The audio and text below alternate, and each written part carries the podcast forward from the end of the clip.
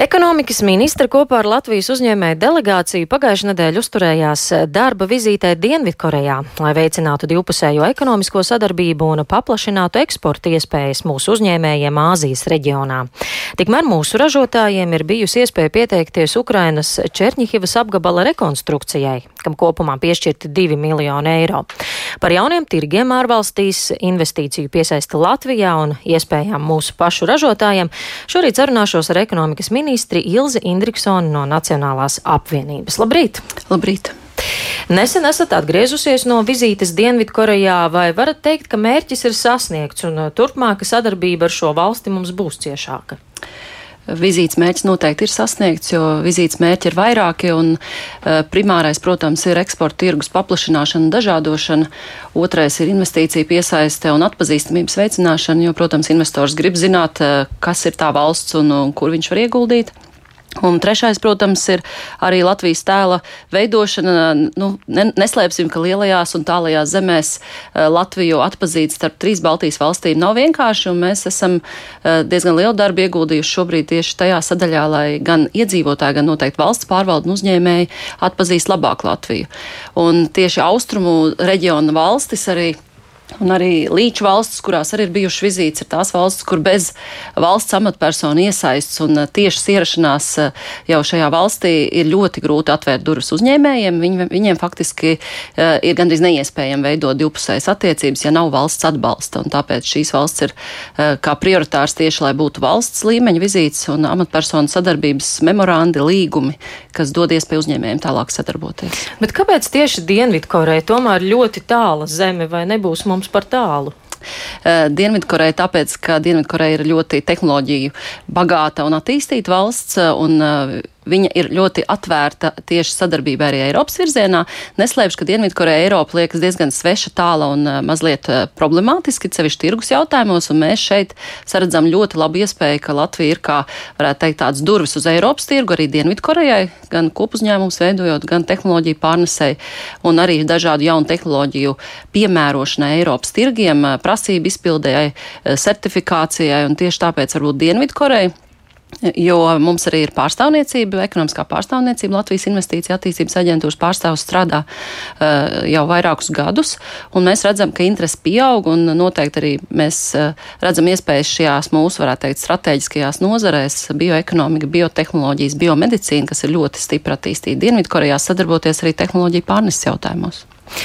Ar eh, investīcijām tātad Dienvidkorejas virzienā strādājam, bet kā kopumā jūs varētu raksturot, kā Latvijai sokas ar investīciju piesaisti šobrīd no citām valstīm? Nu, tā situācija pēdējā laikā nav gājusi uz augšu. Kā mums ir un ko mums vajadzētu darīt, lai būtu labāk? Eh, šī, pirmā, šī gada pirmā pusgada rādītāji nu, tajās investīcijās, kuras ir piesaistīts tieši Latvijas investīcija attīstības aģentūras darbības rezultātā, mēs esam turpat apmēram, kur pagājušajā gadā, bet noteikti rādītājus vajadzētu uzlabot arī kopumā. Un te prioritāri noteikti ir šis pats zaļā koridora princips un tā paplašināšana. Šobrīd tieši strādājam pie likuma projekta faktiski jau finiša taisnē, lai to iesniegtu uh, ministru kabinetā un tad jau saimā, kur būtu divi virzieni - gan investī, investīcija zaļais koridors ar mazāk administratīviem šķēršļiem un pievilcīgāku vidi, gan arī eksporta, faktiski eksportējošo uzņēmumu atbalsta zaļais koridors, jo nav tikai svarīgi piesaistīt ārvalstu investīcijas, ir noteikti jānodrošina mūsu lielo eksportējošo uzņēmumu izaugsmas iespējas. Un kapitāla pieejamība un banku kredītu politikas, uh, kā saka, uzlabošana un pārmaiņas ir viens no atslēgas jautājumiem šajos uh, investīcijos investīciju piesaistes jautājumos. Nu, tas ir arī tas, ko mēs vēl varam darīt no savas puses, jo, nu, kas ir tie galvenie faktori, ko mums ir grūtāk ietekmēt, kas pie mums bremzē tās investīcijas? Jo Igaunija, Lietuva izskatās, ka viņiem tomēr sokas labāk. Nu, faktori varbūt ir vairāki, bet nu, viens, viens, kas ir būtisks faktors šobrīd, es domāju, ir arī darbspēka pieejamība, kvalificēta darbspēka pieejamība. Mēs aktīvi strādājam pie šiem jautājumiem arī cilvēka kapitāla attīstības padomē, un mums ir resurs arī iekšējais, kas ir ātrāk pieejams, noteikti jāizmanto. 27% no darbspējīgiem iedzīvotājiem ir ekonomiski neaktīvi. Tā skaitā vairāk kā 10 tūkstoši jauniešu, kas nemācās, nestrādā, un arī dzirdot ziņas, ka vairāki simti pat tūkstots eh, jauniešu nav izturējuši gala pārbaudījumus skolās, noteikti ir jāparūpēs individuāli, lai katrs no šiem jauniešiem nonāktu vai nu darba vidē balstītās mācībās, vai profesionālā izglītībā, vai varētu turpināt būt arī ekonomiski aktīvs, nevis arī nonākt tajā sadaļā, kur jaunieši faktiski nevar ne mācīties, ne strādāt. Jā, nu, ir daudz virzienu, kuros ir jāstrādā. Bet vēl par mūsu pašu ražotājiem un uh, viņiem sniegtajām iespējām, ko no valsts puses varam piedāvāt. Uh, nesen ekonomikas ministrija aicināja uzņēmējus iesaistīties Ukrainas Černihivas apgabala rekonstrukcijā. Zināms, ka ir atsaukušies 17 uh, Latvijas ražotāji, kas gatavi izgatavot un jau šogad piegādāt preces vai pakalpojumus. 17. Kā jūs vērtējat, tas ir daudz vai maz? Uh. Katrā ziņā mēs esam ļoti gandarīti par uzņēmēju drosmi un uzdrīkstēšanos pieteikties, jo termiņi tiešām ir salīdzinoši īsi.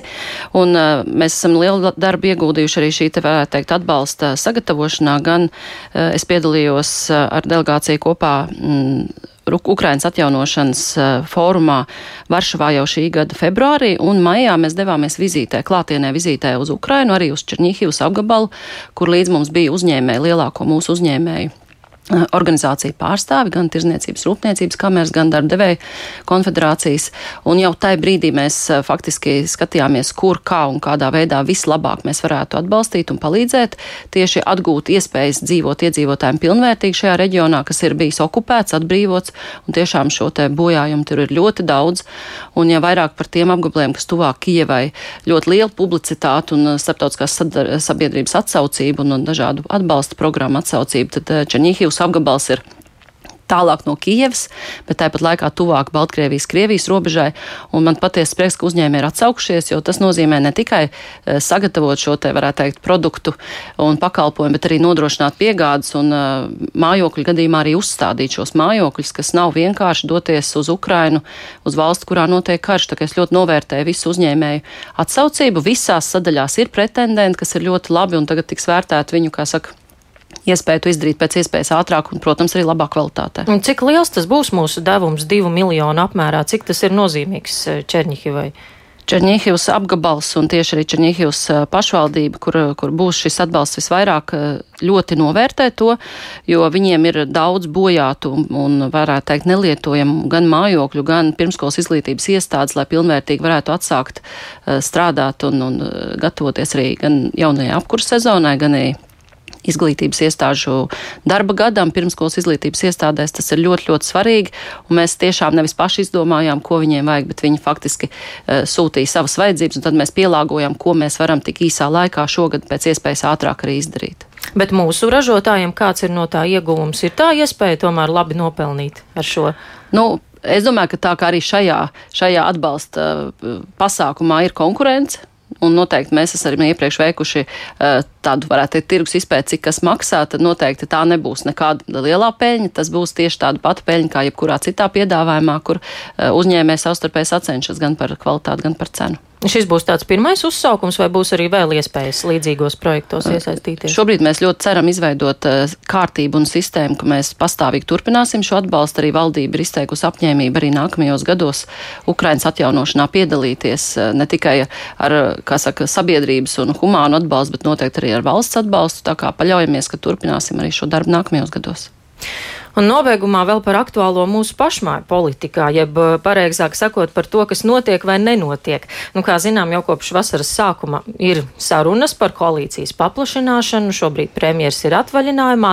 Kas jums ir zināms, cik tālu ir šis process nonācis vai nav nonācis un kā vispār Nacionāla apvienība uz to raugās, vai ir jēga turpināt eh, šo sarunu procesu? Um, vai sarunu procesu ir jāturpināt. Es domāju, ka sarunu procesu vajadzētu uzsākt aktīvāk tieši valdību veidojošo partiju starpā, kas arī notiek, un līdz šim notika katru nedēļu sadarbības sanāksmēs, un noteikti pēc uh, neilgajām brīvdienām uh, ministrs prezidents atsāks šo sarunu procesu uh, par valdības paplašināšanu. Šīs sarunas, es domāju, nav nav, ja, tām nav nozīmes un jēgas, ja šī valdība var un spēj strādāt un to arī dara. Uh, visvairāk traucēt strādāt tieši šī neskaidrība, tas, ka uh, faktiski notiek sarunas ārpus valdības un uh, īsti nav saprotams, kāpēc un par ko.